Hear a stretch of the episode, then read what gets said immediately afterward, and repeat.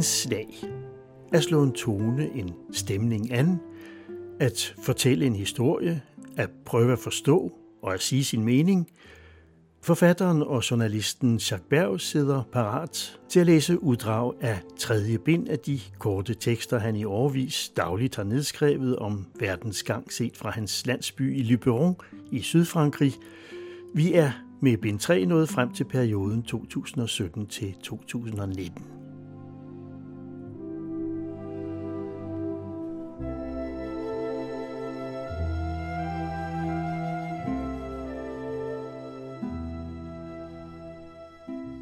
Forfatteren og Nobelpristageren Patrick Modiano er i tv en svir og belastning for seerne. Han lider jo den lange mand, og vi med ham. Hans fremstående øjne fortaber sig et sted i universet. Han er på evig jagt efter en afslutning på sin sætning, når det da ikke er på begyndelsen. Hans bøger udgør et hele, han sammenligner dem med et kort over den parisiske metro, hvor man trykker på en knap og får sin rute angivet som små lys på alle de stationer, man skal forbi. De personer, som Modiano ikke fik helt udnyttet i en roman eller en novelle fra før, kan dukke op igen i en ny sammenhæng, en anden historie. De bliver fisket op af glemselens hav, og vi synes så, vi har truffet dem før. Eller har vi? At skrive, siger forfatteren, svarer til at dirigere drømme. Den tid, hvor forfattere kunne forsvinde bag deres værker, er for længst forbi. Nu vil man se dem, høre dem og muligt røre ved dem.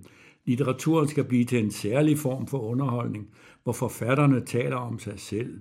Eftersom deres bøger i stigende grad er selvbiografiske, har de ikke svært ved at dække deres skrevne ord og dække dem til endda med nogle talte.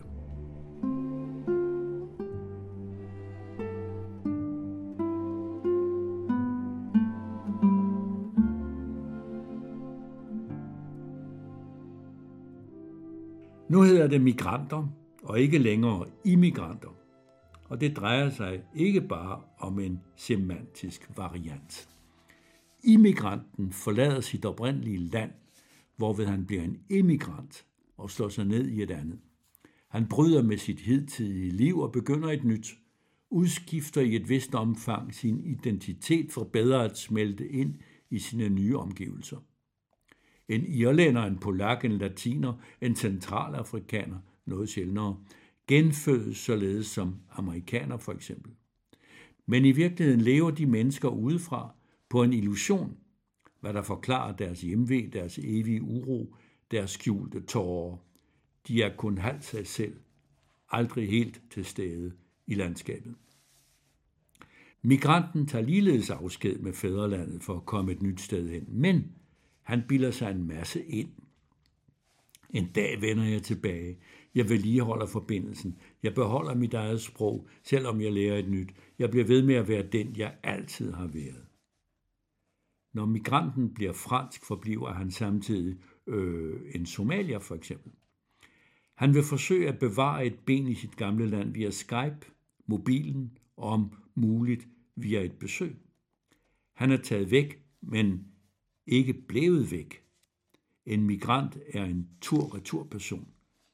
Det gør en vis forskel. Migranter bevæger sig rundt, inde i hovedet i det mindste. Og det gør dem ikke bange, de undskylder det heller ikke, de skammer sig ikke, og lige der ligger forskellen. De vil have lov til at være både det ene og det andet, Har ret til ikke at skulle kværke den ene for at få plads til den anden. De vil være hele mennesker, have to identiteter, i det mindste. Migranten er stolt af sin forskellighed.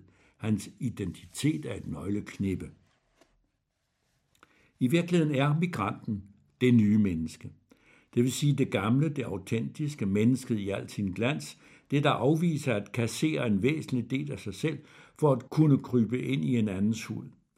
Det der med nød og næppe formår at bevare sine særtegn, sin sande natur, sin mere eller mindre mystiske og ubevidste bund, der truer med at smuldre, når han udsætter den for livets storme, men som holder stand under den beskyttende fernis, der også får farverne til at skinne.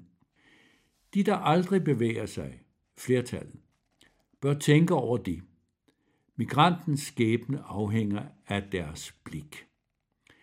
Min fremmede bror, min søster, er et både og menneske, ikke noget enten eller. Det kan sikkert forkludre samtalen. Det kræver en vis indsats fra begge sider, skaber en vis usikkerhed. Hvem er det egentlig, jeg har for mig? Hvad tænker han i grunden? Hvad vil han? Hvad søger han? Den anden er kerneløs som løjet. Men hvem har nogensinde lovet og garanteret os at have en sambo på planeten tæt eller fjern, der til enhver tid er ganske enkel, indlysende, let forståelig? Livet foregår jo ikke i en biografsal. Det er ikke nemt at være. Ikke at være er endnu sværere. Og hvad nu, hvis selv den frivilligt ubevægelige, den rodfæstede, det dogne monster, sofarytteren foran kaminilden, den evigt lokale, den fuldkommen indfødte, hvad nu, hvis også den person var flertydig, dobbelt eller tredobbelt sporet, alene af den grund, at menneskelig betyder sammensat. Gennem vinduet op mod den blå himmel ser jeg nogle spurtende, sorte, flagrende bånd. En enorm sværm af stæger øver sig på at flyve mod syden. Vi bør også sprede vingerne. Verden står altid til at blive opdaget.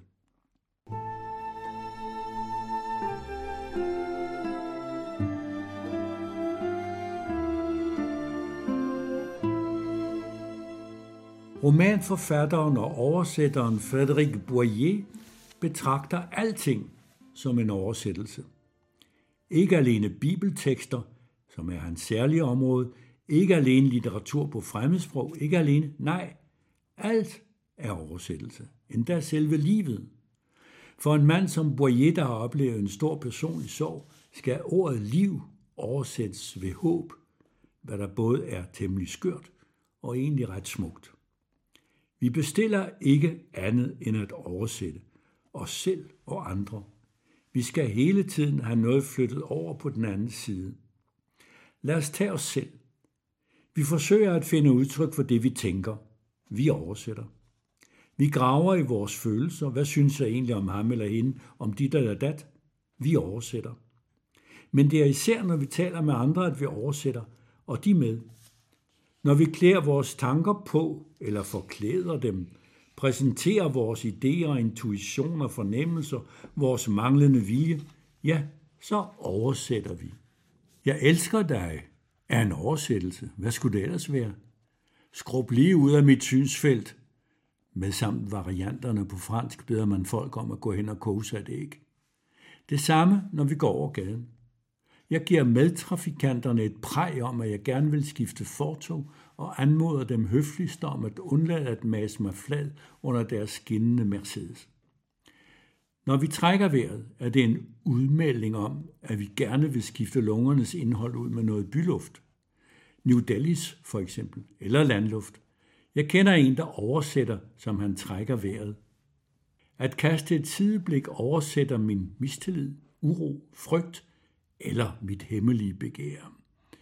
Ingen grund til at fortsætte, end hver er med. Jeg synes, at Frederik Boyer har ganske ret, og behøver i grunden slet ikke oversætte ham.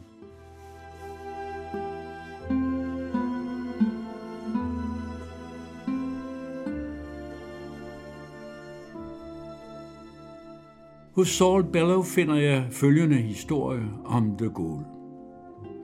Generalen ville ikke begraves under triumfbuen ved siden af en ukendt soldat. Han afviste ligeledes invalidepalæet, sammen med en luset korporal. Nogle israelere tilbød ham så Jesu grav for kun 100.000 dollar for tre dage. Dette apropos prins Henrik, der ikke vil ligge i sarkofag med sin kone, dronning Margrethe.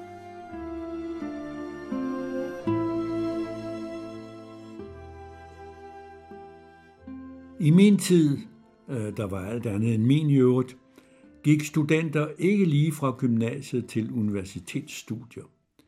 Vi havde til at begynde med et år, hvor vi læste filosofi, filosofikum, og hvad der nu lystede os. Et helt år, hvor vi samtidig kunne beskæftige os med vores religiøse og eller erotiske kriser. I vores dag læser man ikke længere om filosofi i det lille land, jeg her tænker på. Man rejser.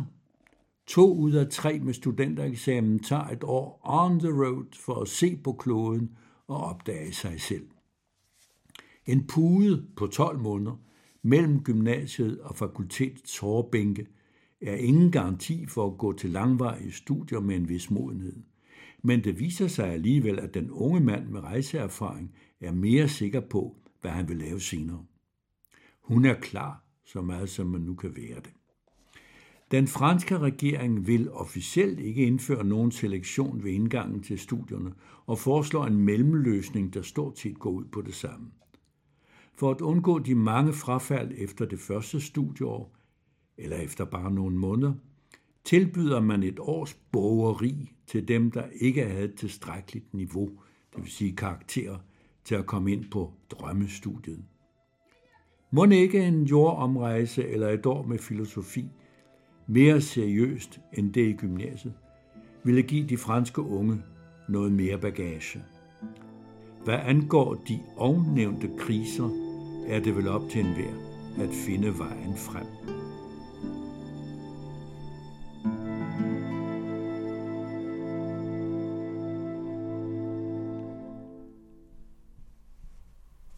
Musikken var stykker for guitar og orkester af Erik Satie og Claude Debussy, som den engelske guitarist Peter Briner spillede med den tjekkisk-slovakiske republiks symfoniorkester under ledelse af ham selv, Peter Briner. Jesper Tang til retlægger anslag.